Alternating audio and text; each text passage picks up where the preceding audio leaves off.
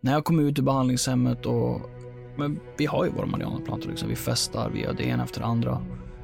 Så en kväll så hade våra gängledare, de hade gjort ett rån på två och en halv miljon kanske.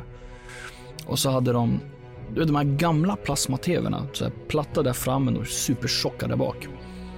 Eh, då hade de eh, liksom stoppat in typ 900 50-90 000 i, i kontanter där bak i en sån. Och så var det hemma hos min kompis då. Så det, så min kompis tar fram allt det här och visar mig en kväll när vi är, ja, vi, vi är, super, vi är supersmå. Uh, någonstans mellan 14, in, jag tror inte jag hade fyllt 15 än. Så vi sätter på liksom Wiz Khalifa i bakgrunden och kastar upp pengar i luften och badar i dem och var superkul. Och så tog vi 30 000 av vår gängledare. Han var skitstor, han var ju skitsur, han visste inte vad vi. Och det första jag gjorde var att gå och köpa kläder, det är för att jag behöver kläder.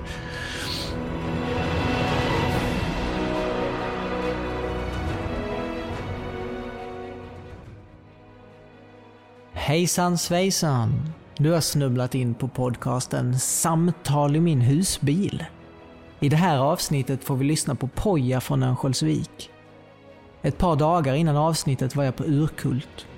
En ganska stor byfestival ute i en by som heter Näsåker. Där fick jag träffa mina vänner Malin, Sebastian och Vilma. Och det var härligt att få träffa vänner. Vänner man har investerat timmar i att lära känna så att man kan få den där hjälpen att öppna upp sig lite mer än vad man kanske annars gör vid nya möten. Vilket hela min resa genom Sverige har kantats av. Nya möten, nya livshistorier. Efter festivalen tog jag och Malin husbilen och körde till hennes hemstad och min före detta hemort Örnsköldsvik. Det var söndag. Vi var fett hungriga och vi blev bjudna på en fantastiskt god indisk vegetarisk gryta av Malins vänner. En av dessa vänner var Poja. En av dessa vänner var Poja, en man med en otroligt tuff uppväxt. En del av det Poja kommer att berätta rörde upp mycket känslor hos mig. Men vändningen i Pojas liv är som alltid värt den sorg och lidande vi tar oss igenom. I den här första delen får vi lyssna på Pojas livshistoria och i den andra delen får vi ta del av det budskap Poja vill förmedla i kombination med ett gäng frågor från mitt håll. Häng med!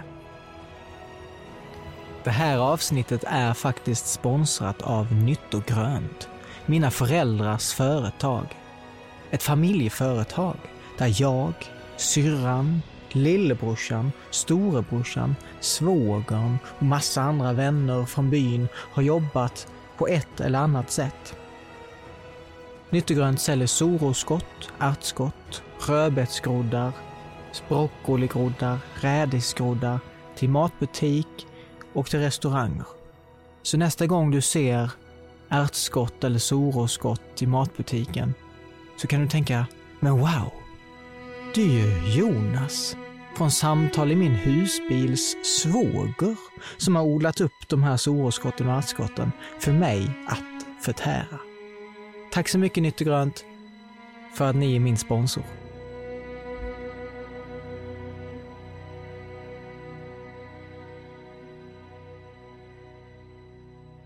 Um, och det tycker jag är så fint för jag förstod nog inte det innan jag började, men jag har förstått det i efterhand att mm.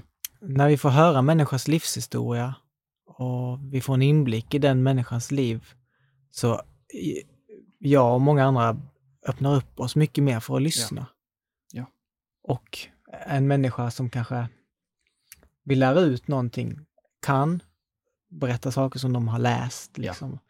Men jag tycker ändå liksom sättet vi lever på, sättet som vi har levt på, är en uh, bra spegel för ja. det som vi vill lära ut. Mm, klockrent. Så med det sagt vill jag få höra din livshistoria.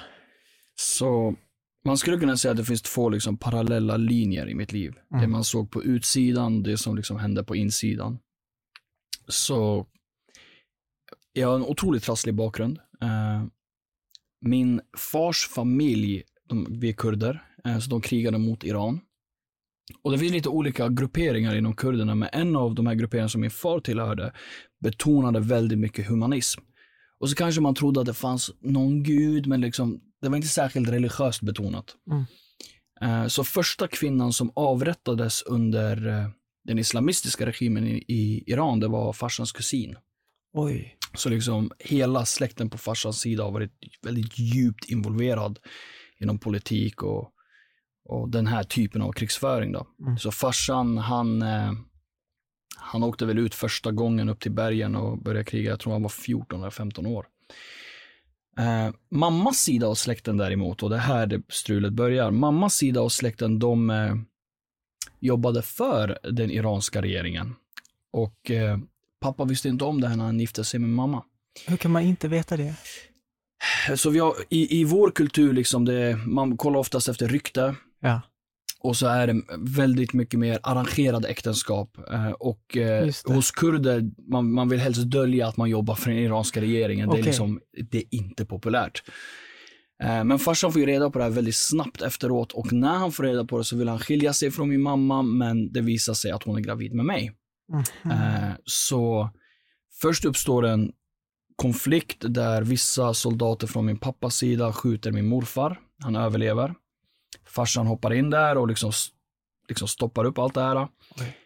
Eh, men han förlorar väldigt mycket eh, re- relationer i sin familj på grund av att han inte lämnar min mamma, vilket han vägrar göra för att hon är gravid med mig. Mm. Men tiden går framåt och eh, morsan ska besöka sin cancersjuka faster, tror jag det var, här i Sverige. Jag var ah, ett år ish. Uh, när vi kommer hit så är det en man som ska hjälpa henne. Uh, hon blir våldtagen. Uh, Din fast eh, min Nej. mamma. Din mamma blev våldtagen? Ja, och farsan är ju i Iran liksom fortfarande. Vad hemskt. Eh, Så hon tappar lite greppet där. Hon var väldigt ung och det finns en grej när man kommer från ett land som är så pass förtryckt som Iran till Sverige där det är liksom frihet och då är tendensen att man bara kastar ut sig själv i den här friheten. Mm.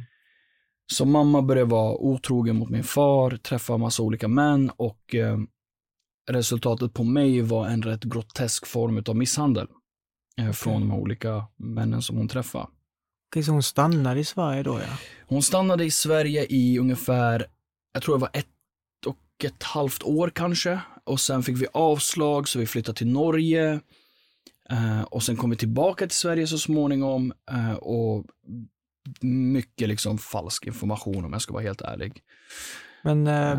hur gammal var du i den här, under den här tiden? Inte helt koll. Jag vet att jag var mellan två och tre i alla fall i Norge. Ja. Eh, jag var lite komisk. Jag pratade med mamma och jag sa, mamma jag har ett minne av att vi var i en flyktingförläggning där liksom eh, väggar och tak var samma typ av trä som golvet och det var ett rum med en dubbelsäng. Liksom. Är, det här, är det här ett riktigt minne? Och hon sa, ja du hade inte fyllt tre och det var flyktingförläggning i Norge. Du ska inte kunna minnas sånt där liksom. Mm. Okej. Så Sen när vi flyttade tillbaka hit till Sverige då så träffar hon så småningom en man här och eh, det, det är inte bra. Eh, mycket misshandel igen, gjorde så jag hostade blod och det ena efter det andra. Alltså som misshandel av dig? Alltså. Ja.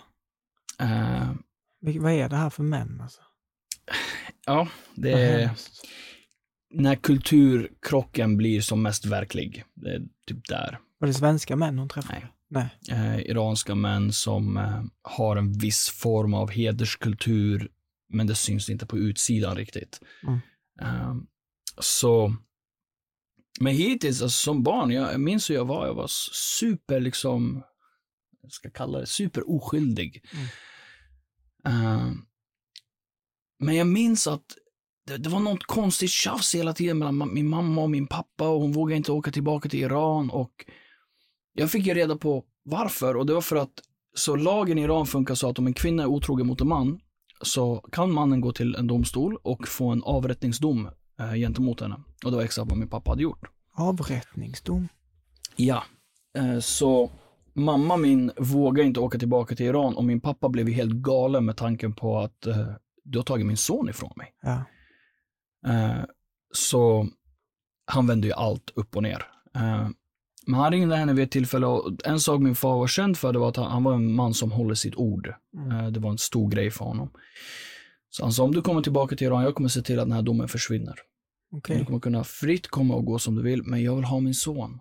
Jag har inte sett honom på liksom flera år. Så Jag var sex år och åkte jag tillbaka med mamma.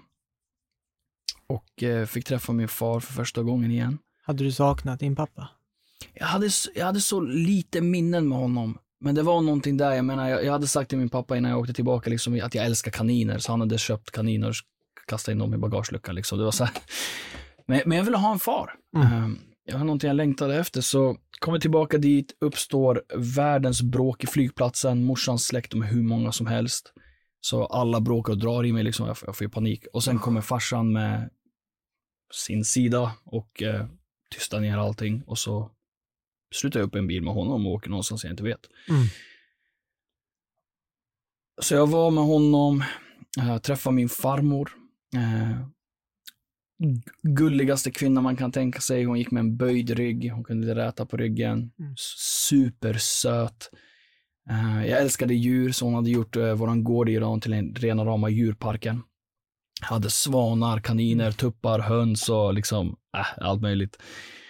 Ehm, men någonting började brista. Min far var oerhört manipulativ. Okej. Eh, vilket jag kan förstå med hans bakgrund. Så han kunde säga saker som, om, om, om du ljuger för mig, eh, då är du inte min son längre. Eh, och min egen, så min farfar har ju dött, och då säger min pappa, om min pappa vaknar upp från döden och ljuger för mig, han kan lika gärna gå och dö igen. Okej, men eh, v- hur definierade han lögn? Jo, eh, då sa han att om du tänker på någonting som du inte säger till mig, då ljuger du. Oj. Så jag kunde gå liksom och tänka, okej, so- om jag tycker att solen är fin, bara som ett exempel, och så då gör jag allt jag kan för att komma ihåg det här. För om jag inte berättar det här för min far, då är jag en lögnare och då är inte jag hans son längre, då är jag föräldralös. Liksom, Mm. eh, inte särskilt bra uppfostran om man säger så, man var typ knäckt liksom. Så förtroende gentemot min far började brista väldigt tidigt här. Mm. Förtroende gentemot min mor existerade knappt. Eh, Så jag hade min farmor och så kom en kusin på besök jag tänkte wow, jag, jag har en kusin, liksom en manlig rollfigur och eh, men även det här kraschade väldigt snabbt. Eh, Så en kväll när min kusin är på besök så han försöker våldta mig men lyckas inte. Och problemet blir här att jag kan inte berätta det här för min far. Men om jag inte berättar det jag tänker på till min far, då är jag en lögnare och då är jag inte hans son. Mm. Så det här är vad jag går runt med liksom som sexåring. Och tänker, börjar redan då planera hur jag ska åka tillbaka till Iran när jag är äldre och ta livet av den här kusinen liksom. Eh, men när det kommer till farsan så gick det helt snett för att han hade liksom, de hade, han kom och frågade mig en, en dag liksom, vill du att jag ska skilja mig från din mamma? Och jag sa liksom, "Ja, men gör det hon vill. Ja. Eh, Så han eh, skilde sig från henne och då var det liksom, det var frid och fröjd där ett tag. Men då gav min mamma min pappa en present, en klocka. Och det hon hade missat var att den mannen hon hade köpt den klockan till, hans namn stod på en, papp, på en lapp i klockasken. Så när min far öppnar upp den här asken, han blir eld och lågor och hela min mammas, eh, liksom hennes bröder, de är hemma hos oss. Och min far misshandlar min mamma riktigt rejält, liksom stampar på hennes huvud och allt möjligt. Så jag flyger emellan. Mm. Som sexåring. Mm. Och eh, försöker dra bort min pappa och han vänder sig om och ger mig en höger och eh, voltar runt och bröt käken. Uff. Så förtroendet bara helt kvaddat. Men då har vi min farmor kvar. Wow, vilken trygghet. Så vi, jag och hon började liksom diskutera religion och Gud och liksom det ena efter det andra. Hon var inte den här konservativa, salafistiska sunnimuslimen. Hon var liksom, hon tror på en gud. Mm. Eh, så jag började prata med henne. Sen träffade jag min morbror som säger att eh, det är han som är, liksom, som är imam. Och han säger att allt ont och gott kommer från Gud. Jag tänkte, va? Okej, jag, jag tänker, jag vill ha svar på ett och annat. Mm. Så småningom så drar min mamma från Iran. eh, och jag blir liksom lämnad i sticket där. Eh, så jag börjar i skolan, jag börjar gå koranskola, memorisera stora delar av koranen. Jag börjar, liksom, jag börjar be, fasta och det var ramadan och det var det ena efter det andra. Och det är inte att jag inte fick någon känsla alls. Det fanns någon form av känsla av, jag vet inte riktigt hur jag ska beskriva, men någon form av frid. Du, du vet, om du gör någonting gott, liksom, du går förbi någon på gatan som är i behov av pengar och du Mm. kanske ger en slant. Det finns en, liksom, mm, nice liksom. Mm. Men det var inte det jag var ute efter, jag ville ha någonting mer än så. Eh, alltså antingen är det äkta eller så är det inte det. Eh, Så småningom säger jag till farsan liksom, jag, jag vill tillbaka till Sverige. Han säger okej. Okay. Eh, och han blev i princip bankrupt på att fixa nytt pass och det ena efter det andra. Alltså för att få tillbaka dig till Sverige? Ja. Okay. Och så lovade han att så fort du kommer fram till Sverige, jag kommer komma efter dig. Men eh, det blev inte så. Eh, jag kom tillbaka till Sverige, min mamma är fortfarande med den här mannen. Mm. Eh, där har varit mycket misshandel, så det fortsätter. Då har hon träffat en annan man i Iran. Hon har slut med den här mannen, åker tillbaka till Iran, gifter sig med honom och eh, lämnar mig med sina kompisar. Jag minns vid ett tillfälle, hon hade någon dotter som kanske var, vad kan hon ha varit? 17-18 kanske. Jag minns vid ett tillfälle jag vaknade upp och liksom, hon hoppar och sparkar mig i magen. Liksom. Det är så här, mycket misshandel igen. Mm. Men din syster då? Nej, Nej, det var hennes kompis dotter. Hennes de som var liksom barnvakter åt mig medan mamma var i Iran och gifte sig. Okej. Okay. Och så småningom så kommer den mannen till Sverige med min mamma. Eh, fortfarande den hederskulturen liksom. Och det finns positiva saker i den hederskulturen så länge den inte går överstyr. Mm. Eh, men en av de positiva aspekterna är att vi det liksom ligger i våran ryggmärg att min familj är mitt ansvar. Så tanken av att mina föräldrar är sjuka och är på ett ålderdomshem och jag aldrig besöker dem, det existerar liksom inte. Eh, problemet blir när man med ansvar börjar lägga till en tyrannisk form av auktoritet och då går det helt åt skogen. Mm. Eh, så farsan kommer ungefär ett år senare, jag är vid åtta års åldern här och jag blir som den här schackpjäsen. Mamma säger saker om min pappa, pappa säger saker om min mamma. Uh, och ja, men jag minns vid ett tillfälle när mamma hade fått min lillebror, uh, det var ett kejsarsnitt, och så hamnade jag i slagsmål med hennes man. Och så skulle jag sparka bort honom, men jag missar honom och träffar min mammas mage, för hon, hon kastar sig själv i mitten och hennes mage går upp liksom. Oh. Och det var så kaotiskt och vid det här laget, jag, jag vill till min far. Jag vill, jag vill inte vara kvar här och jag fick inte av SOS. men du var bara åtta år nu? Uh, ja. Oj. Så det slutade upp med att min far fick inga bidrag, så jag bodde hos honom och uh, vi levde på de här, uh, nu vet jag inte hur, de kost, hur mycket de kostar, men de här nudlarna som är superbilliga. Mm -hmm. Nej, jag kan inte äta dem idag, jag, spyr direkt liksom. Mm. för vi levde på dem. och han brukade, vi bodde i Hofors då i en flyktingförläggning. Så han brukade ta bussen med mig till Gävle, jag tror runt fyra, fem på morgonen, lämna mig i skolan och så gick han runt där bara. Eh, medan det snöade och bara väntade på att jag slutade plocka upp mig och så åkte vi tillbaka. Hur eh, mådde din pappa då? Ja, hur han mådde? Ja. Till synes, alltså han har ju gått igenom tuffa saker. Hans syskon dog i hans famn. Hans pappa dog, hans fru innan min mamma var otrogen. Eh, han förlorade sin dotter på grund av det. Inte, inte att hon dog, eh, men eh, han, hennes mamma tog ensam vårdnaden.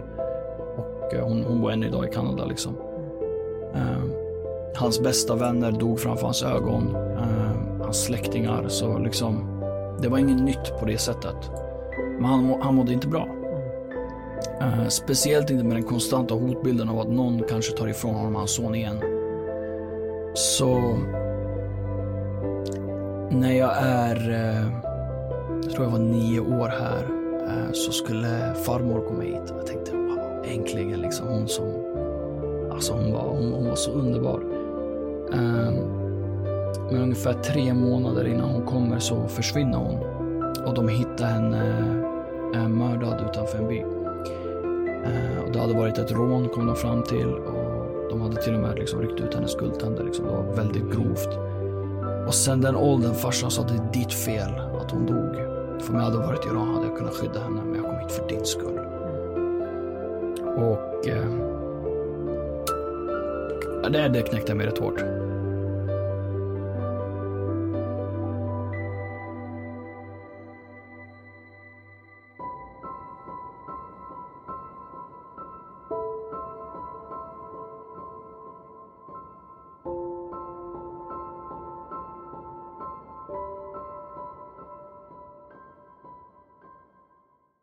För jag tänker han var manipulativ och du kände att det var så också kanske? Ja, 100 procent. Jag gick runt och sa det är mitt fel min farmor är död. Uh, liksom allt i universum är mitt fel. Mm. Uh, jag borde inte ha blivit född, för om jag inte hade varit född, de här två familjerna hade inte behövt stanna kvar med varandra och Mm. Ja, listan går att göra lång.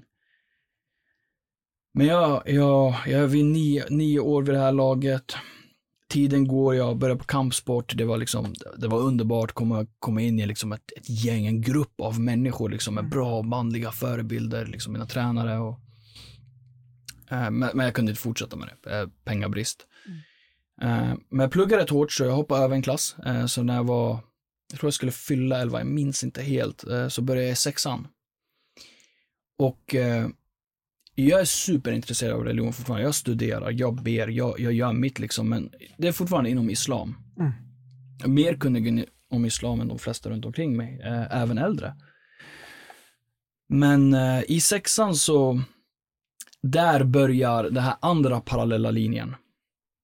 Så en dag så, jag var, jag var otroligt stökig när jag var liten. Jag slogs extremt mycket. Eh, och jag var ju bra på att slåss, jag gick på kampsport liksom.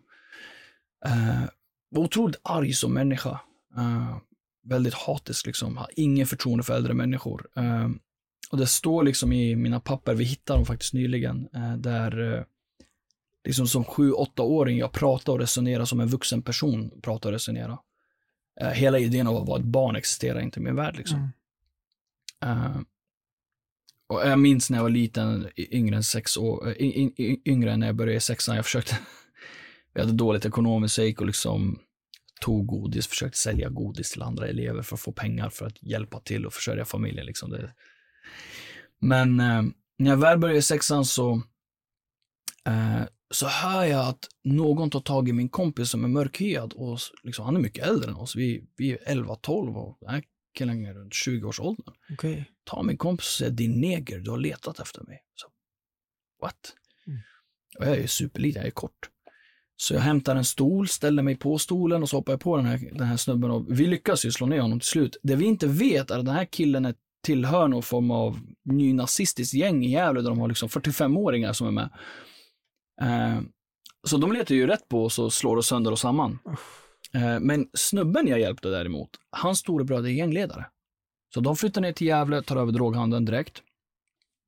Och De, så, de flyttade ner till Gävle på grund av den här incidenten? ja, för att folk är ute efter hans lillebror. Okej. Och jag sa, nej, kommer inte hända. Så, De bråkade med fel kille? lite så. Eh, lite så. Mm. Så, ja men de flyttade ner till Gävle och eh, så minns jag att de tog hem mig vid ett tillfälle och så sa de, du, du, är, den, du är den yngsta av alla, men du hjälpte ändå våran lillebror. Ja, du har tagit stryk för det liksom. Mm. Från och med nu, du är en i familjen. Mm. Så där sitter jag som liksom 11, 11-åring och hänger med stora, biffiga gängledare. Nu, I deras fall, de ville ju inte att vi skulle bli kriminella. Det var, det var inte deras mål. Men är du 11 år och knappt har ett par hela strumpor och du ser folk som kör runt med liksom fina bilar och mycket kontanter, du, någonstans du lär dig mer av vad du ser. Eh, Så jag och den här killen, han heter Charles, Eh, vi, vi, vi softar i studion, de gör rapmusik, så vi skriver liksom texter och, och så studerar vi mer. Och här börjar vi komma in på liksom buddhism, new age lite, vi börjar snudda på, de- på de sakerna. Jag hade börjat studera kristendomen. Eh, men jag avskydde kristendomen. Det var någonting speciellt, delvis på grund av min bakgrund där du är, jag menar när jag gick i skolan i Iran, vi brukade samlas på skolgården innan skolan börjar och så leder läraren oss, eller rektorn, olika ibland, eh, han leder oss i en rant där man skriker död åt Amerika och död åt Israel. Liksom. Det det fanns någonstans i ryggmärgen en enorm hat mot judar och liksom, Amerika är liksom djävulen själv. Mm. Så kristendomen var, ah, men jag hör liksom, de har förändrat Bibeln och de följer inte Bibeln och liksom, det är bara att kolla på deras kyrkor. De, de, de struntar i vad som står, de respekterar inte profeterna, de hatar Gud och det är, liksom, det är det jag är uppfostrad med. Och när jag läser då katolsk kyrkhistoria så läser jag till exempel om, om eh, kat- katolikernas massmord av valdensierna. Jag tänker, de här dödar ju mer kristna än vad liksom terrororganisationer gör. Vad, vad ska jag med kristendomen till? Samma sak händer igen. Jag ber, jag gör allt det jag ska göra. eh, Jag mediterar, jag Mm. ah, studerar, får positiva känslor. Men jag kan få de positiva känslorna av allt. Någonting måste finnas som är objektivt sant som utmärker sig.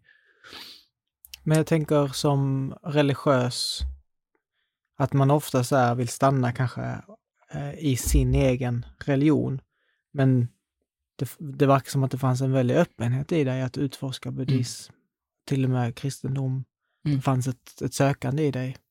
Det var lite på grund av, faktiskt på grund av pappa min, han, eh, han sa så här när jag, när jag växte upp, han sa min son, när du väl är vuxen, jag bryr mig inte om vad du gör.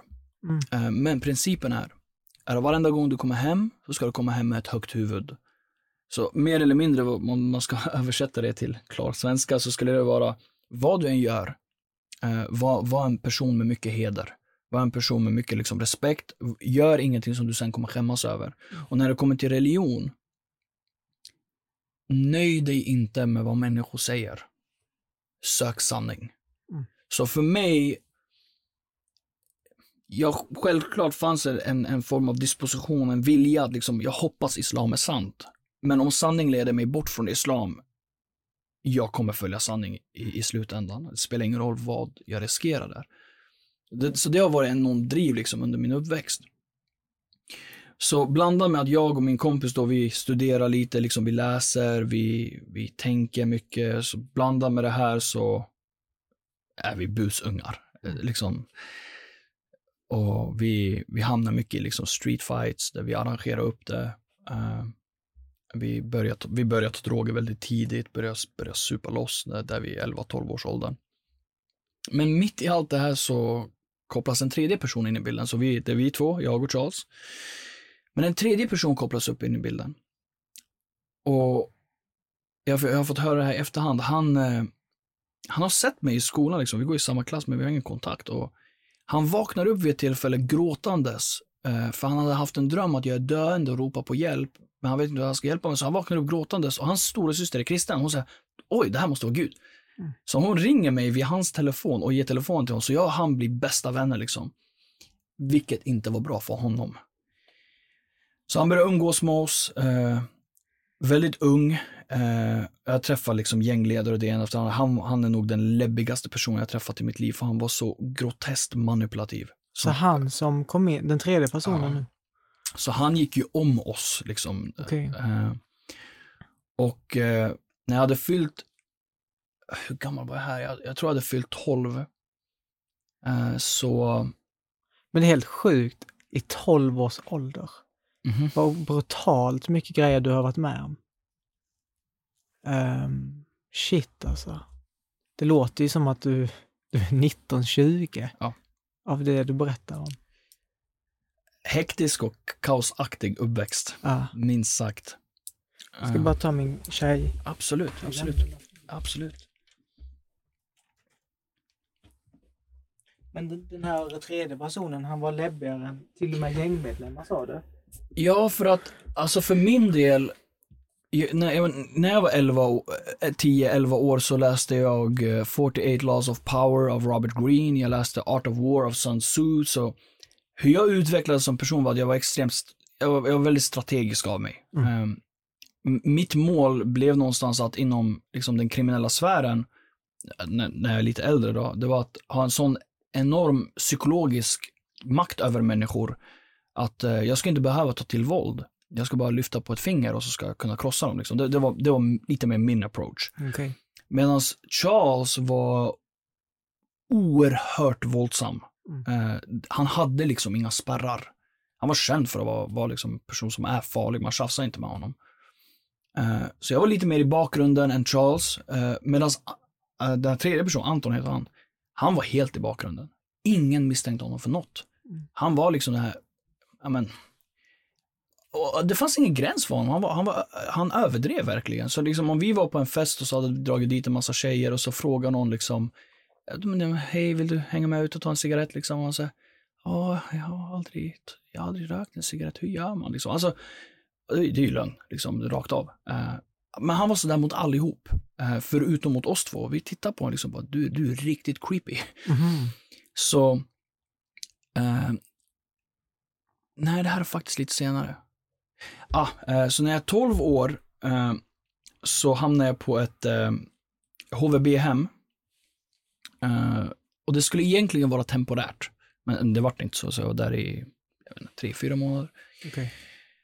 Men då minns jag att Antons flickvän ringer mig och liksom hon bölar i telefonen. Och jag säger, vad är det som händer? Och jag säger, nej men nej, Anton vill inte, han vill inte vara intim med mig liksom. Så, What? Det, det var häftigt att ha en flickvän när man var liksom 12-13 år. Mhm. Tänkte, Va? Va? Varför då? Nej, han har gått till liksom, för det var några som var skyldiga oss pengar och så har han har gått till dem och sagt att han inte vill ha deras pengar.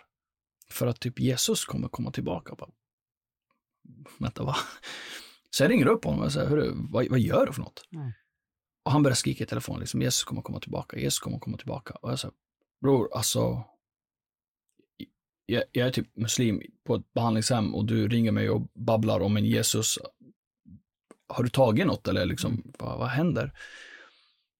Och han säger, han bara, bror, kolla, jag, jag, han bara, jag, jag förstår inte själv helt och hållet. Jag, jag vet bara att Jesus kommer komma tillbaka och döma levande och döda. Det är det enda jag vet. Han bara, men, men, men, han bara, men jag har drömt om dig. Du är den första av oss som kommer fatta hela den här grejen. Så, "O- Okej, eh, visst, eh, men vadå, så du, du tänker sluta röka på eller? Liksom, det är där mitt fokus är. Mm. Ja. Okej, men, ja, men det, det är väl bra för dig. Ja, men jag, jag, jag stöttar dig, men var, varför dumpar du din flickvän för? Ja, men det, det är ingen synd en flickvän, det, det, det är synd om du har tio flickvänner, inte om du har en. Liksom. Och, ja, det var min kunskap om Bibeln. Men när jag kom ut, han blev inte kristen. Han blev kristen till men han fattade inte det kristna budskapet, så han blev tio gånger värre än innan. Så när jag kommer ut ur behandlingshemmet, under det här korta loppet jag varit där, han har liksom släppt allting. Och när jag är ute ur behandlingshemmet, han har fixat in typ tre stycken olika marijuanafrön som klarar av Sveriges klimat. Eh, Så vi har 15 marijuanaplantor. Mm. Eh, Och det är han som styr det. Jag fattar ingenting. Jag tänkte, ja, han har blivit normal igen. Eh,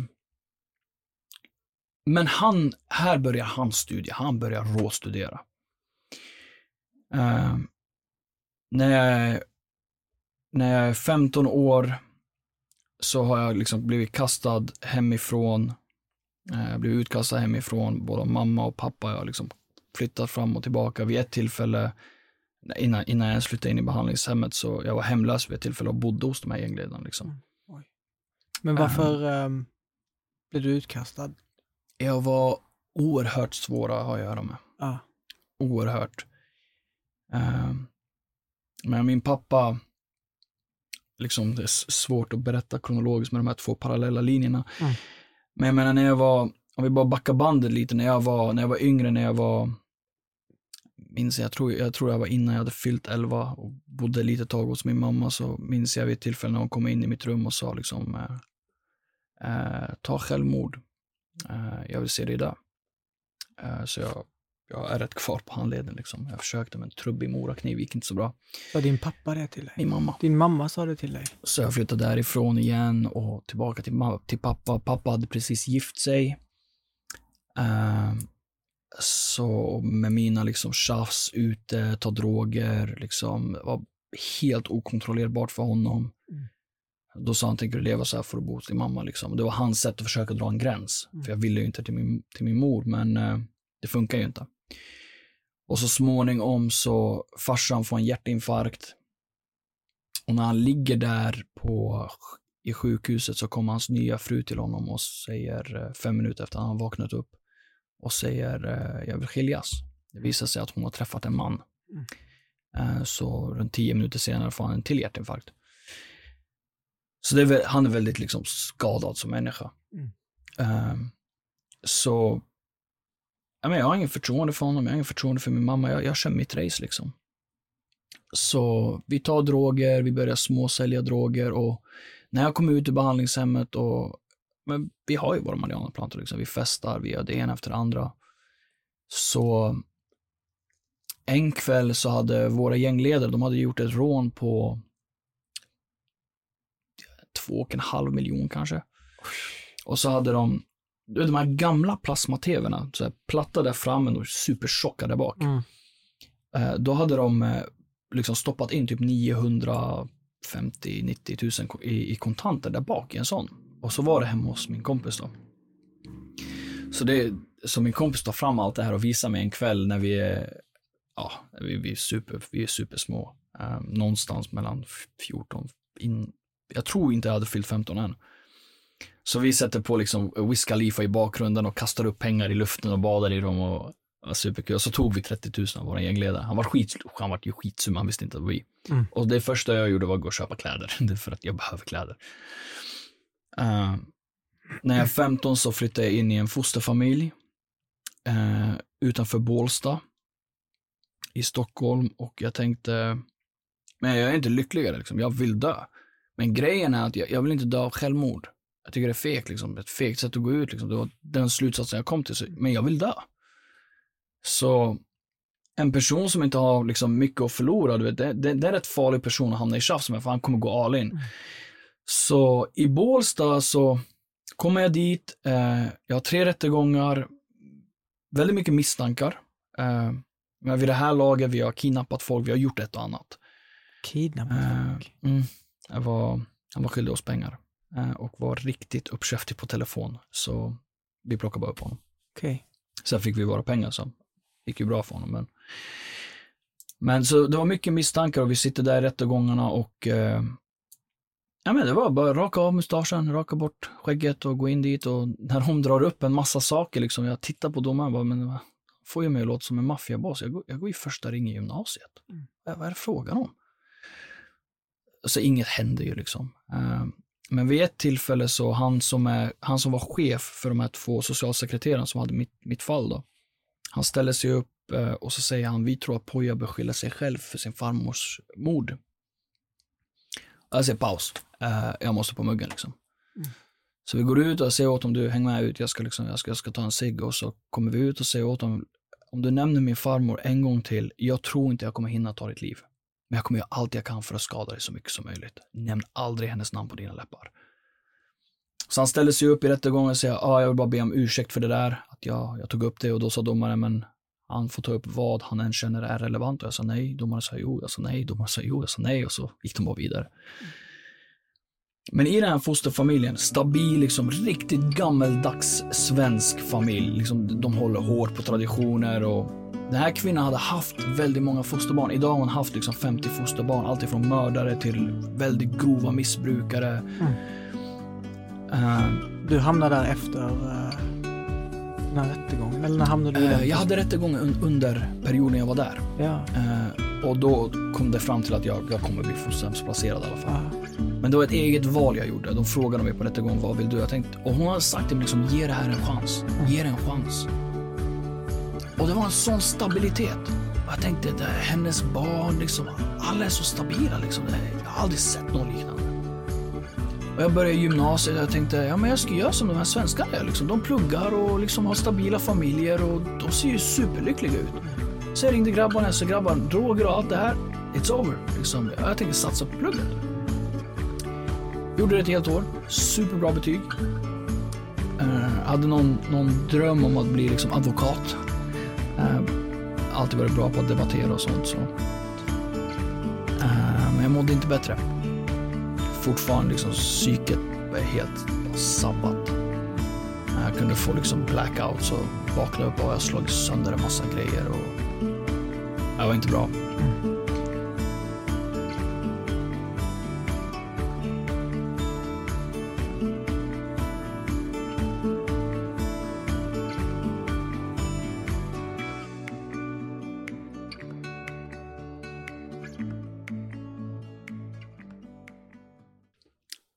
Efter det året, eh, jag ber väldigt regelbundet och nu börjar jag bli mer att jag, jag bara ber liksom, finns det någon gud där ute liksom? Om du finns, döda mig, ta mitt liv. Ja, jag, jag vill inte leva liksom. Mm. Uh, varför, om du finns, varför har du ens låtit mig leva det här livet? Uh, inget svar.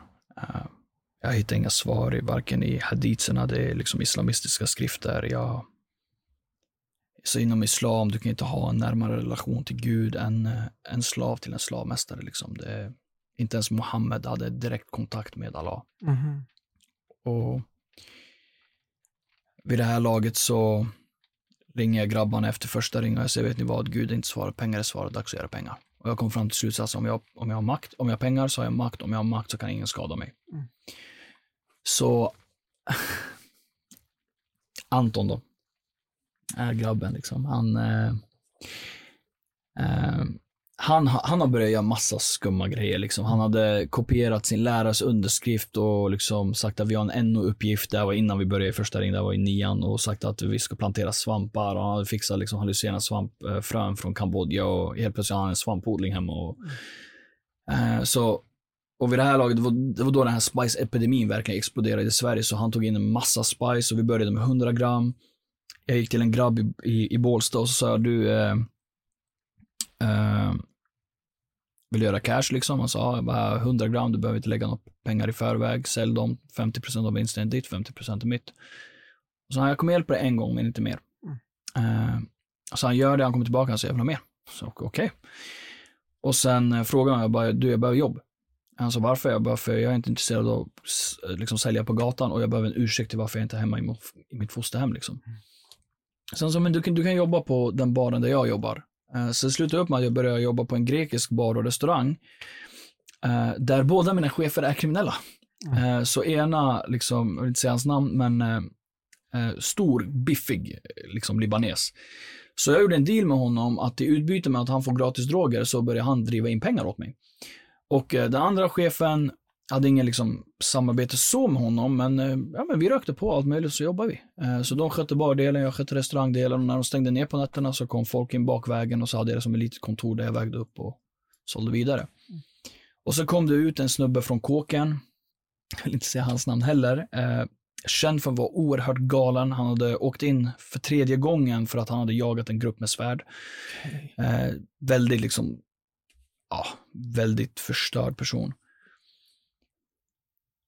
Och jag hade allting till slut. Alltså 100 gram gick till kilos och så helt plötsligt började vi göra en massa affärer. Kokain började komma in i bilden, marijuana började komma in i bilden. Liksom. Och I början ville vi hålla oss borta från det för att du åkte inte dit på spicet, det var inte olagligt.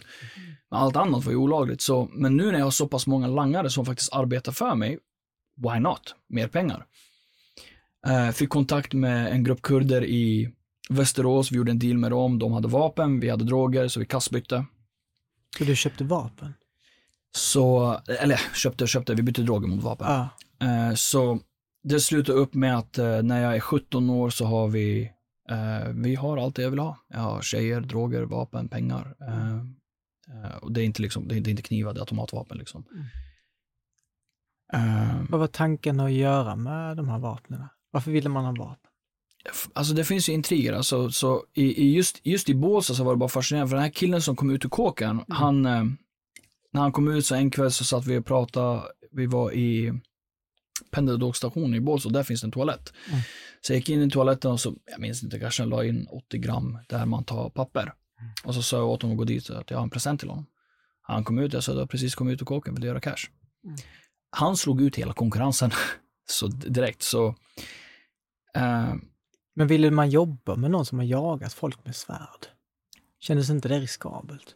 Ja, så länge jag och han är på god fot okay. eh, så var det snarare en fördel för att folk kommer inte tjafsa med honom. Mm. Eh, och det var ju så han slog ut konkurrensen liksom. Mm. Eh, men vi började höra att, eh, började gå rykten om att HA skulle börja röra sig in mot Bålsta jag tänkte, jag har ingen chans mot Hells Angels. Mm. Jag kommer skaffa automatvapen. Kom ihåg, principen är fortfarande, jag vill dö. Mm. Så jag har inga problem att dyka upp med ett automatvapen. Liksom, I värsta fall så dör jag. Så, det, det, så här rykten börjar gå runt och då behöver man, man behöver stå på sig. Um, och i Gävle, där, ja men, Charles Andon, de styrde inte droghandeln där. De hade liksom vissa områden där, men det fanns andra områden så fanns det konkurrens. Uh, men det var värdelöst. Alltså mot slutet där, jag började blanda spice med kokain och uh, jag menar det vi hade, det spice vi hade, så spice är ett väldigt, en väldigt äcklig drog. Uh, det är liksom fullt syntetiskt och så är det ett pulver som du behöver smälta och det är jättesvårt att smälta så du måste använda någonting frätande. Så vi använder aceton. Ja, vad händer om man röker någonting som är frätande? Aceton, det, det, du, du sabbar ju din kropp direkt. Mm. Men för att slå ut konkurrensen så hade vi en styrka, vi dubblade den styrkan. Och sen dubblade vi det vi hade dubblat. Och sen dubblade vi igen. Så folk tog ju ett bloss och vissa tuppade ju av efter, efter ett bloss. Liksom. Mm. Uh, det där kunde vi sitta och röka 100 gram av på en natt. Uh, för att liksom, jag var så hårt fast i det och så mixade vi med massa andra droger så det var, det var en helt annan grej. Och mot slutet där så, grabbarna hade ju hört om lite olika gäng, gängtjafs som jag hade varit involverad i och det var så mörkt. Det var så mörkt. Uh, jag var så våldsam, jag hade inga spärrar kvar. Uh, stackars socialsekreterare kom hem till mig vid ett tillfälle så jag minns inte vad hon sa, men jag blev, jag blev arg liksom. Jag, jag var ju påverkad. Mm. Och så sa hon någonting, alltså om du tjafsar med mig, jag kommer kidnappa dig och slakta dig framför dina barn. Liksom. Alltså, det blir, ja, vad ska du göra? Sätta mig in i, sätta mig in i, ett, i, i kåken? Mm. Go for it. Liksom.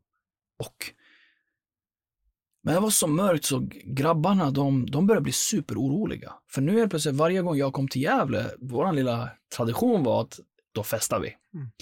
Jag kommer ner, jag har mycket cash, de har cash liksom och vi, vi sitter och jämför liksom hur mycket, hur det har gått för oss. Vi planerar lite första kvällen och så bara festar vi loss och så back to business. Um, men nu liksom vid det här laget, varje gång vi festar, men de kunde ha hämtat tjejer det ena efter det andra. Jag pratade inte med någon. Mm. Tog droger, gick in i ett rum, paketerade droger, räknade på det, eller så gjorde vi drogerna, smälte pulver, aceton och inget annat liksom. Jag kunde umgås med dem i tre, fyra dagar och kanske säga några meningar som max. Uh, och de börjar bli riktigt oroliga. Mm. Så Anton går till Charles och säger en kväll liksom, mannen tror du, tror du på att jag har tagit livet av någon eller liksom, va? någonting har hänt, någon, han är inte som förut. Och jag, jag började bli supervåldsam. Jag minns vid ett tillfälle när eh, vi, hade, liksom, vi hade väldigt strikta principer. Eh, vi var superunga men vi hade lärt oss av de äldre så vi hade en deal att om en av oss blir, blir missbrukare och vi, vi tror att han är liksom körd till den graden att vi kommer gå back på det. Mm. Eh, vi kidnappar honom, binder fast honom tills, och tvingar igenom honom på en avgiftning. Liksom. Vi gör det. En annan princip var att eh, tjejer aldrig är involverade i affärer. Mm. Så eh, vid ett tillfälle när vi diskuterar affärer så Charles flickvän öppnar dörren och jag säger åt henne att sticka ifrån. Det, det är värt att notera att vi var hemma hos henne. Mm. Uh, och hon börjar ju tjafsa liksom på skämt. Och ja, jag tänker inte dra härifrån, vad ska du göra? Så jag tittar på Charles och säger, få bort din brud eller döda henne framför dig. Liksom. Det, det där var inte normalt. Så till och med hos oss, även om vi lever liksom mycket i våld, det är mycket slagsmål, det är mycket mordhot och sådana saker hela tiden, vi behöver kolla över axeln. Det där var inte normalt, inte att vi började rikta det mot varandra på det sättet. Mm. Så de börjar bli oroliga och en kväll, uh, de har försökt prata med mig, de kommer ingenstans. Men kom ihåg, Anton han fortfarande studerar kristendom. Så han hittade en dokumentär på 77 avsnitt, mindblowing dokumentär, serie, alltså skulle verkligen rekommendera den. Den här killen, en kristen eh, kille där som, som bara blastar religioner liksom en efter en, efter en, efter en. Och Anton visar mig delen som handlar om islam den kvällen. Och jag tappar det helt. För jag läser om, jag ser de här verserna framför mig som jag läst när jag var liten, men som jag inte har förstått. Verser från haditerna som talar om sexslaveri till exempel. Och jag tänker, va? Jag, vet, jag har läst det här. Men va? Vadå sexslaveri? Vadå det här? Vadå det här våldet? Vänta, va? Att de muslimska krigarna fick utför, utföra avbrutet sex med kvinnliga fångar? What? Så jag tänker om jag ska lämna islam, jag tänker bränna mina broar. Och det finns en synd inom islam som du aldrig kan få förlåtelse för och det, det kallas för kyrk. Det är som liksom medveten hädelse där du med vett och vilja och kunskap ändå hädar Gud. Mm. Så jag reser mig upp och liksom jag börjar svära åt Allah, åt alltså, varenda svordom jag kunde komma på, för jag ville göra den synden. Så Charles vid det här laget, han är inte nykter, så han skrattar bara, han bara liksom, poja, svär åt sin gud. Men Anton var nykter. Så jag tar tag i honom, jag slänger in honom i väggen och säger, vad är den sanna vägen? Jag letar i åtta år. I åtta år har jag läst. Jag har läst om buddhism, jag har läst om hinduism, jag har läst om islam, jag har läst om, eh, jag har läst om ateism, jag kan inte vara ateist för make no sense, mm. rent filosofiskt. Och han tittar på mig och säger Jesus. Alltså, inte Jesus-snacket igen. Mm. Men här är grejen. Anton fattar inte det kristna budskapet hur vi blir räddade från vår synd, hur vi blir förvandlade och det ena efter det Men han är supersmart så han kan ju argumentera för kristendomen. Så han tacklar alla mina argument. Från ett islamistiskt perspektiv, ateistiskt perspektiv, han tacklar allt. Så jag sitter där och säger, okej okay, Anton, du är en människa. Du kan ha fel. Alltså ja, det stämmer. Men varför ska jag någon varför ska jag vilja ha med, med kristendomen? Jag har varit i era kyrkor, de säger men vi är Guds barn, det finns ingen skillnad mellan mig och dem.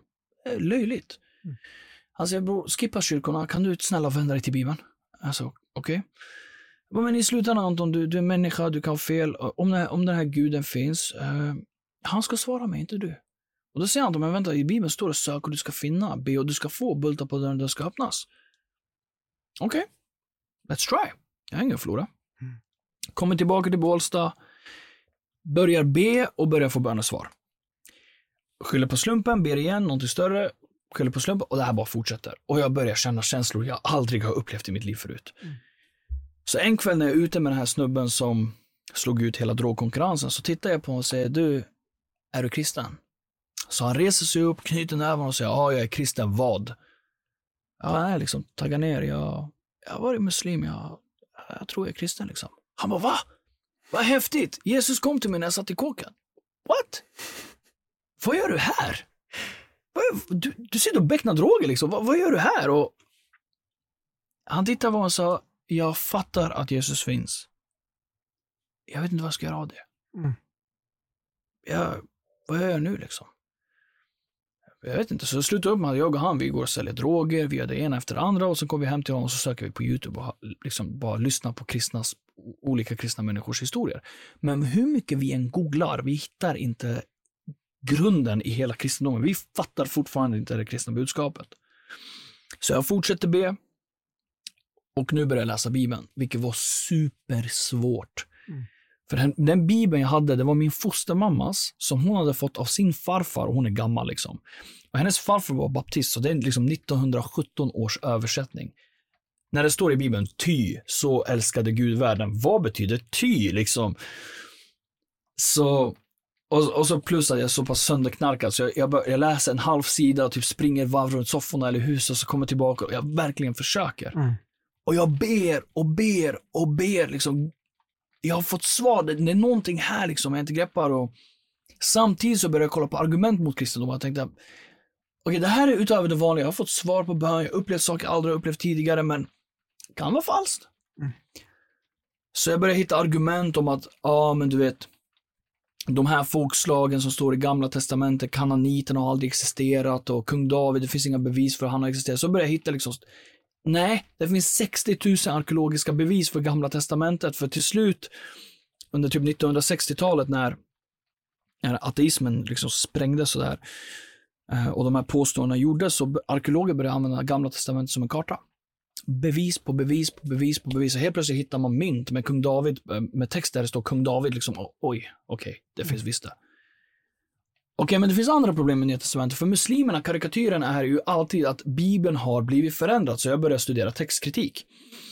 Uh, nej, uh, om Nya Testamentet inte är en trovärdig historisk källa, vi måste på historisk basis, inte en religiös basis, vi måste förneka all mänsklig historia från, den, från antikens period. Det uh, finns inget historiskt dokument med så stark historisk auktoritet. Okej, men finns det bevis för att Jesus ens har existerat? Det här var ett annat argument liksom. Då skickar Anton hur mycket saker som helst till mig. Så det börjar visa sig att nej, romare som var emot kristna talar om Jesus. Josefus, en av de här historikerna från den tiden, talar om Jesus. Mm. Eh, judar som är emot kristna talar om Jesus. De kristna talar om Jesus. Och det, är liksom, det är omöjligt att han inte har existerat. Och jag börjar komma till ett läge där jag, okay, jag börjar hamna i ett läge där jag inte kan knäcka ihop kristendomen. Det, det, en av principerna inom filosofi är the law of non-contradiction. Mm. Så om jag säger till dig att jag heter Poja och sen två sekunder senare så frågar du mig vad heter du? Jag säger jag heter, jag, jag, jag heter Kalle liksom. Jag ljuger för att jag går emot mig själv. Uh, och sanningen kan inte gå emot sig själv. Mm. Och jag hade problem med det här inom, inom, liksom, in, inom, inom ateismen. När, när, när ateisterna sa, men liksom, om Gud finns, varför finns det ondska i världen? Jag sa, vänta, det är en motsägelse. Du kan inte definiera ondska om Gud inte finns. Du kan inte definiera rätt och fel. Vem har bestämt att det är fel att döda? Mm. Staten, okej, okay, så det är rätt att döda folk i Saudiarabien? Liksom, make no sense. Inom islam, okej, okay, men i Koranen står det att Bibeln är sann. Så du måste tro på Bibeln om du är muslim, men Bibeln går emot Koranen. Så om du tror på Bibeln så går du emot Koranen, men om du inte tror på Bibeln så går du emot Koranen. That's a contradiction. Mm. Men jag lyckades inte få till det i kristendomen. Alltså, nu börjar jag bli rätt orolig. Kom ihåg, vi är fortfarande kriminella. Mm. Så börjar jag läsa Uppenbarelseboken, från Uppenbarelseboken till Romarbrevet och jag börjar fatta det kristna budskapet. Sakta men säkert. Och jag ber jag säga Jesus, om du är den sanna guden, skicka någon som inte känner mig med svar på den här frågan och så ställer jag en väldigt personlig fråga. Tre dagar senare, utanför gymnasiet och röker en cigarett, så skriver en man till mig på Facebook. Han, eh, han, eh, han har aldrig skrivit till mig för jag känner mig knappt, men han vet vem min pappa är. Han skriver bror, förlåt, det här kommer låta superkonstigt och jag vet inte varför, men jag måste bara berätta det här för dig. Eh, Jag har drömt om dig, han berättar sin dröm. Meddelandet efter så svarar han detaljerat på min fråga. Okej, nu har jag ett problem. Men du, alltså hur kändes det att få det svaret? Helt ärligt, Mm. Först vart jag överlycklig och sen vart jag rådeprimerad. Mm. För nu har jag fattat hälften typ ish av det kristna budskapet. Och det kristna budskapet, om vi bara ska kolla på grunden, det är att Gud är helig, Gud är rättvis, Gud är god. Det är liksom, det är bra. Vi vill ha en rättvis Gud, vi vill inte ha en orättvis Gud liksom. Problemet är det här. Vi är inte goda. Vi är onda och den rättvisa guden har sett varenda liten gärning jag har gjort. Jag är körd. Det är orättvist om han inte dömer mig. Då är det inte en rättvis Gud längre och jag, jag vill ha en rättvis Gud. Och han har sett allt. Han har sett varenda gram jag har sålt, varenda person jag har skadat, varenda gång jag utnyttjar en annan människa. Han har sett allt. Och inte nog med det. Jag leder droghandeln. Jag kan inte hoppa ut ur droghandeln. Och inte nog med det. Jag är fast i missbruk. Jag kan inte ändra mig själv. Jag är körd. Så först var jag överlycklig att allsmäktig Gud skulle svara någon som mig. Mig liksom. Det där svinet som inte förtjänar luften han andades liksom. Men jag är körd. Ehm, jag fortsätter be, fortsätter studera och så börjar jag fatta någonting om att Gud måste göra någonting.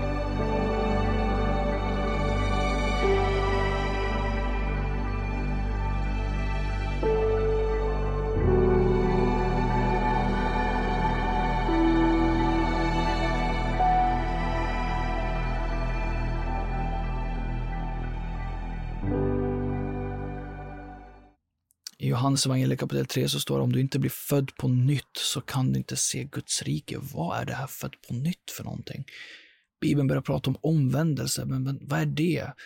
Och det verkar som att det handlar inte om att bara liksom, om du super, sluta sup. Liksom. Det, det, det är någonting mer, mer djupgående än så. Det är inte bara att sluta med det här yttre, utan det, det är en form av överlåtelse, liksom, att du ger upp inför Gud. Men hur gör jag det?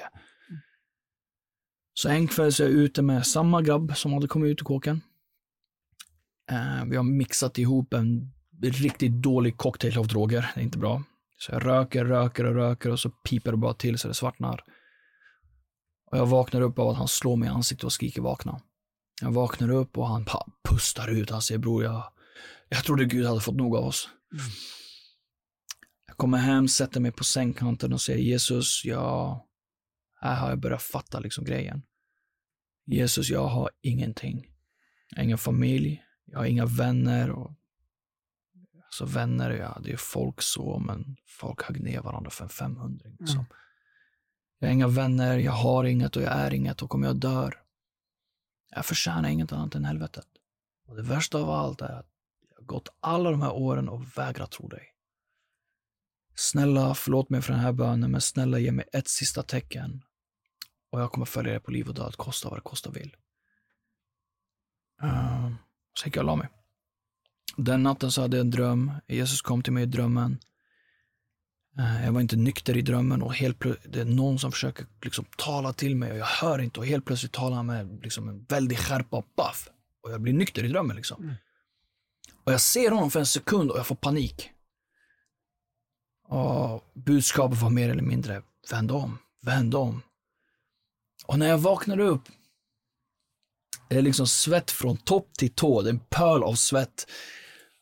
Och all missbruk är borta. All missbruk är borta, jag, jag har ingen abstinens och det, det är inte, liksom missförstå mig inte här, det är inte, jag vill supa, jag får inte supa, jag vill inte. jag är ändrad, någonting har, någonting har hänt och jag kan inte beskriva, jag fattar inte vad som har hänt. Och jag svär, liksom, det är nog normalt att svära. Jag får svårt att svära, det, det tar emot. Mitt samvete, det är som att det har kommit till liv igen. Jag, men vänta, jag blir arg och det är som att det, det är knivhugg i hjärtat liksom. Det går emot mig. Och jag går ut bara liksom, vad är det som händer? Jag ser skräp på gatan, jag börjar plocka upp skräpet på gatan och tänker, vad i hela friden håller jag på med? Och jag hade inte kommit till liksom första Korinthierbrevet i Bibeln, liksom, där det talar om relationer och hur vi ska förhålla oss det ena efter det andra. Men det första jag gör är att jag går och gör slut med min flickvän. Och det var inte på ett fint sätt. Jag gick till en, hon fattade inte riktigt vad jag gjorde. Jag gick dit och sa, du, eh, jag kan inte ha någonting med dig att göra. Och min poäng var att jag insåg, att jag utnyttjar den här kvinnan liksom. Och, eh, säkert hon har utnyttjat mig också, men det, det är sak samma. Det, det handlar inte om henne. Jag kommer stå inför Gud. Mm. Och jag kan inte göra det för Gud skapat henne. Hon skapat Guds avbild. Att kränka henne är, är att kränka den guden som jag av någon anledning, anledning nu helt plötsligt älskar. Liksom. Det är superskumt. Så jag, jag säger till henne, jag kan inte ha någonting med det att göra. Hon säger, va? Jag säger, nej, alltså, jag, jag älskar dig. Va? Uh, Gud finns. Och hon tittar på, mannen, du tagit? Och jag säger, jag hittar Gud. Säg vad du vill, jag bryr mig inte. Vi hörs. Och jag bara springer därifrån. Mm. Och jag kommer hem och jag, jag är helt liksom i chocktillstånd. Så min foster, fostermamma, hon fattar inte vad som håller på att hända med mig. Så de gör liksom tre psykologutredningar och eh, är rätt komiskt hur de slutar upp. mm. Eh, de fattar inte heller något. De tittar på mina papper, tittar på mig och vet inte vad jag ska säga liksom. Men vadå, beter du dig så konstigt så att de behöver göra psykologutredningar? Total. Alltså 180 graders vändning, jag är inte samma person längre. Ah. Jag pratar inte som jag pratade innan. Jag, jag har samma typ av liksom strategi, min, min, personlighet är inte helt borta. Jag har samma typ av liksom strategiska tankesätt. Jag, uh, jag, jag har fortfarande enormt driv liksom. Um, du behöver ha rätt mycket driv, driv, för att liksom leda ett gäng när du är 17 bast liksom. Mm. Men, men jag kan inte svära, jag, jag har svårt, jag, jag, jag, när jag känner mig som hotfull mot en annan person så ryggar jag tillbaka istället. Liksom. Jag, jag gråter när jag gör någonting fel, ett litet fel liksom. Mm. liksom det här är inte jag. Men såg inte de det som ett bra tecken? Jo, men de förstod inte varför. Ja. Det är så här, vad har hänt? Har han, fått en, har han hamnat i en psykos? Okay, ja. Så... Eh, poängen är bara att just den här perioden, då var det helt slut på droger och vi hade beställt in minns jag, det var supermycket, men jag tror det var tre kilo marijuana som en snubbe skulle smuggla för oss och så var det en spicepulver för jag typ 10 kilo spice och så hade vi ett rån inplanerat hos en person som hade väldigt mycket cash hemma liksom. Mm. Det var väldigt mycket i rullning och, och, då ringer den här killen mig som har kommit ut från kåken och är väldigt känd för att vara väldigt utan spärrar. Och säger liksom, vart är drogerna? Liksom, vi kan höja priset, det, det är tomt på droger i liksom, den här staden, vi kan höja priset, det är nu vi, vi kommer tjäna cash mm. liksom. Och jag säger så, jag, jag, tror jag har blivit kristen liksom helt och hållet och han sa, va? Nu av alla tillfällen så, hej, liksom, jag tror det är Guds vilja. Mm. Obviously nu liksom några år senare men, så jag går tillbaka till Gävle. och delar det här kristna budskapet med mina vänner. Som uppväxta kristna, men aldrig fattat vad kristendom handlar om. Mm. Så både han i Bålsta, hans liv förvandlas. Typ tre, fyra till där som arbetar med oss. Deras liv bara skiftar totalt. Samma upplevelse som jag hade. Jag går tillbaka till Bålsta och samma Anton som delade om kristendomen för mig den kvällen. Jag kommer tillbaka och är den första av oss som har fattat grejen och delar för honom budskap. Det tar ungefär ett och ett halvt år för honom att liksom göra upp. Alltså det, det är mycket pengar vi snackar om. Mm. Och en kväll så ringer han upp mig när han, på, han är på väg mot sophuset och han har liksom LSD värt 60 000 i en påse. Så jag pratar bara med mig. Och så slänger han dem och så när han slängt han bara jublar rakt ut. Och det, det är kvällen han omvänder sig och han möter Gud och hans liv är förändrat. Charles tog superlång tid. Han hamnar verkligen i träsket, liksom värre än oss. Mm. För vi var kristna liksom. Eh, men fyra år senare, han var han vart kristen, hans, hans tjej var kristen, hans tjej var gravid, så de gifte sig och nu Anton är med i vår kyrka som vi har i Stockholm. Eh, förlåt, Charles, eh, Charles är med i kyrkan vi har i Stockholm, han har precis fått ett till barn. Eh, liksom, hela hans liv förvandlades. Vår ena gängledare blev kristen och det, bara, det exploderade. Mm.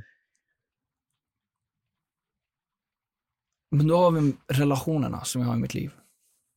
Uh, jag började läsa Bibeln, jag, jag, gick, jag, hamnade inte, jag hamnade i ortodoxa kyrkan, blev utslängd rätt tidigt. Uh, jag, jag, blev väldigt frustrerad över att de hade sagt till mig att kalla prästen för fader. Jesus säger kalla inte någon för fader och jag fick inte ihop det som nykristen liksom. Jag, hade, jag störde mig på Svenska kyrkan, alltså jag, jag får inte ihop livsstilen med Bibeln. Mm. Så jag, jag ska bara gå på Bibeln liksom. Uh, så vi började be för folk i apostlarna, i apostlarna, de bad för sjuka och såg mirakel. Så jag tänkte, nej, det är väl vad vi ska göra. Så, ja, men, why not? Let's do mm. it. Började be för folk, superpinsamt i början. Mm. Uh, det hände ju inget. Och sen började det hända saker. Och sen började det hända mer saker och så helt plötsligt släpper folk kryckor och börjar gå på sina brudna ben. Och så, okej, okay, det funkar. Så jag kommer tillbaka till Gävle och träffar min far nu. Jag är kristen liksom. Och i vår kultur, han har sagt till mig, gör vad du vill, men kom tillbaka med ett, med ett högt huvud. Men han vet om att jag är kriminell. Mm. Han kommer tillbaka och säger, Baba, jag har blivit kristen. Han tittar på mig och säger, samma skitstövel som förut. Och att du nu drar, drar in Guds namn i det hela visar bara vilken liksom, skamfull person du har blivit. Alltså, jag kan ljuga om mycket, jag kommer aldrig ljuga om Gud. Han börjar se liksom, nå, nå, någonting har ändrats, jag drar ut och så när jag kommer hem igen, jag, har varit ute och pratat om Jesus för liksom kriminella grabbar, jag till en kompis fest och medan de super, jag börjar mata liksom, ni, ni måste vända om liksom. Mm. Och när jag kommer hem, det första farsan gör är att visitera mig liksom. Har du droger på dig? Hade ju ingenting. Tittar på mig supermisstänksam. Grejen med, med farsan min, han hade en, eh, han hade, inte en tumör, för det var inte cancer, men typ som en tumör. Jag vet inte om det heter en cysta eller vad det nu heter. Mm. Eh, precis under foten där det liksom går upp lite. Eh, I mitten där. Där hade han så han kunde inte gå. Så jag började be för honom. Får, jag be för det? Han bara absolut. Och så kollade han på typ, jag tror han kollade på typ Al Jazeera. Det är så här, riktigt så här superinvandrarprogram. Alla invandrarpappor tittar på det. Och jag ber för honom, jag blundar, ingenting händer, så jag går in i mitt rum och tänker Gud, liksom, jag har bett för så många som har blivit, liksom, blivit fria från missbruk, blivit fria från liksom, demonisk aktivitet i deras liv. Men min far, liksom, jag kan inte bevisa Kristus, han är så smart och arrogant. Jag kommer aldrig nå fram till honom. Och Jag öppnar Bibeln och så läser jag en vers där, där Jesus ber två gånger för en blind man. Och jag tänker, men vänta, om Jesus bad två gånger, jag kanske behöver be tio gånger, jag går tillbaka. Så jag gör det och så ber jag för honom igen och eh, eh jag vet inte hur länge jag ber, kanske någon minut kanske, jag vet inte. Och jag blundar och när jag öppnar ögonen, tumören är borta. Jag tänker, va? Så jag börjar, jag börjar peta liksom, jag vill känna. Inbillar jag mig liksom. Han börjar skratta. vad, vad gör du för något? Jag säger, känn efter liksom. Han hittar inte tumören. Och han tittar på mig liksom chockslagen. Och han säger, från och med nu, den guden du tror på, tror jag också på. Men jag kommer inte kalla mig för kristen. För tänk om jag gör fel. Jag vet ingenting om kristendom. Tänk om jag gör fel och människor beskyller Kristus. Jag behöver studera, kan du lära mig? Oh. Så det blir världens liksom... Det här händer inte i vår kultur, att en far lyssnar på en son. Det är tvärtom. Mm. Det var världens skillnad, så nu helt plötsligt sitter jag som, nästan som en pastor åt min far. Och han studerar i ett helt år. Och eh, på julafton, jag, jag var där i Gävle och då ropade han mig, han är i badkaret och så säger han, min son kom hit. Nu i vår, i vår kultur så en pappa kan ropa sin son till vardagsrummet och när man kommer till vardagsrummet så säger man, vad vill du? Då säger han, ge mig fjärrkontrollen som är typ 30 cm ifrån. Mm. Så han ropar mig, jag satt i ett samtal och så när jag kommer in i badrummet och säger, liksom, vad händer, vad vill du? Och då säger han, eh, jag vill göra den här kristna vattengrejen. Vilken kristen vattengrej? What? Nej men det här, du babblar om hela tiden. Babbla inga om kristen vattengrej, vad snackar du om liksom? Nej men det här, du, du sa det som en begravning. En gång för alla, vi begraver vårt gamla liv och vi lever ett nytt liv. Jag sa dopet, han sa, ja det där, det, det där dopet. Jag vill göra det som ett, vet du vad det innebär? Är du redo att ge upp allt? Och jag sa till honom, jag bara, pappa, för mig om Jesus skulle be mig att hämta den kurdiska flaggan och bränna upp den inför honom, jag hade gjort det med glädje. Han sa, hur kan du säga så? Jag sa, för jag är kristen först. Jag är inte kurd först. Han är min herre. Han bestämmer över mitt liv. Jag, jag tillhör inte mig själv, jag tillhör honom. Mm. Är, du, är du verkligen redo för det? Och han säger ja. Och jag döper honom och den fa, fadern som Jag har sett upp till och älskat hela mitt liv, men samtidigt som jag har avskytt, det slutar upp med att han blir min närmaste av vän. Mm. Han gick bort eh, 5 december förra året. Han... Eh, hans sista ord var att han klappade min kind och grät och sa förlåt mig. Eh, och sa för vad? Alltså jag var en sån börda för dig i ditt liv. Jag pussade honom på huvudet och sa du är inte en börda för mig. Och så tittade han på mig och sa min son, idag är dagen jag kommer dö. Jag var typ supersur. Jag sa, äh, sluta, du behöver bara liksom krya på dig och du behöver samla kraft liksom för att battla. Han hade massa olika sjukdomar. Han sa, nej du förstår inte, jag kommer dö idag. Jag vet om det, jag kommer dö idag liksom. Jag vill bara, bara säga förlåt. Jag sa, du förlåt honom. Så ropade han in alla sköterskor och han sa förlåt, jag har varit så, sånt besvär för er. liksom. Jag har varit så besvärlig, jag har varit så, behövt så mycket hjälp. Och de, de skrattade. Nej, men, nej, nej du, liksom, du, du, du har varit underbar. Mm. Och så hans sista ord, han, han ropar ut och ber och säger Jesus, min Herre, jag, jag orkar inte mer. Snälla, rädda min själ en gång för alla. Mm. Uh, och den natten gick han bort. Uh, så min mamma, hon är på besök här i Övik idag. Uh, jag har supernära relation. Har supermycket frågor, svåra frågor. Mm. Mina två småsyskon, de, är, de, är, de, de tror på Jesus, förstår inte helt det kristna budskapet än, men det, vi ska prata med dem ikväll. Mm. Och jag gick från att liksom, jag trodde aldrig jag skulle ha en familj. Jag har en underbar fru som liksom älskar mig och en son. Och jag är helt förbluffad. Uh, så jag gick från att vara en liksom, gängledare, helt förstörd med längtan efter att dö, till att idag vara en pastor i en kyrka där vi alla fokusera på det budskapet som räddar mitt liv. För i slutändan, om, det, om vi mixar med det budskapet och det är inte är äkta, det kommer inte förändra folks liv. Det är det vi vill åt. Vi vill att det ska vara äkta. Vi vill, att, vi vill se Gud själv gripa in på ett mirakulöst sätt och rädda människor. Uh, och idag, längtar jag till döden? Nej. Uh, jag längtar till den, den, till den dagen jag väl dör och får komma och möta min, min, min kung liksom, som har räddat mig. Uh, men inte utifrån att jag har ångest och är deprimerad och vill bli av med det här livet. Nej, jag har ett liv att leva och jag vill ge allt för honom. Han som räddar mig, jag vill leva för honom till, till fullo. Och jag vill att det ska eka i resten av evigheten. Det är liksom det är mitt sätt att säga till honom, Herre, du som räddar mig trots att jag viftar min näve mot dig sedan jag föddes. Allt det här för dig. Ta liksom emot mina operfekta gärningar och vi som kristna tror att han tar emot dem som om de vore perfekta. Så Ja, Gud är god. eh, där har du min story. ah, wow. Shit vad mäktigt Poja. Oj.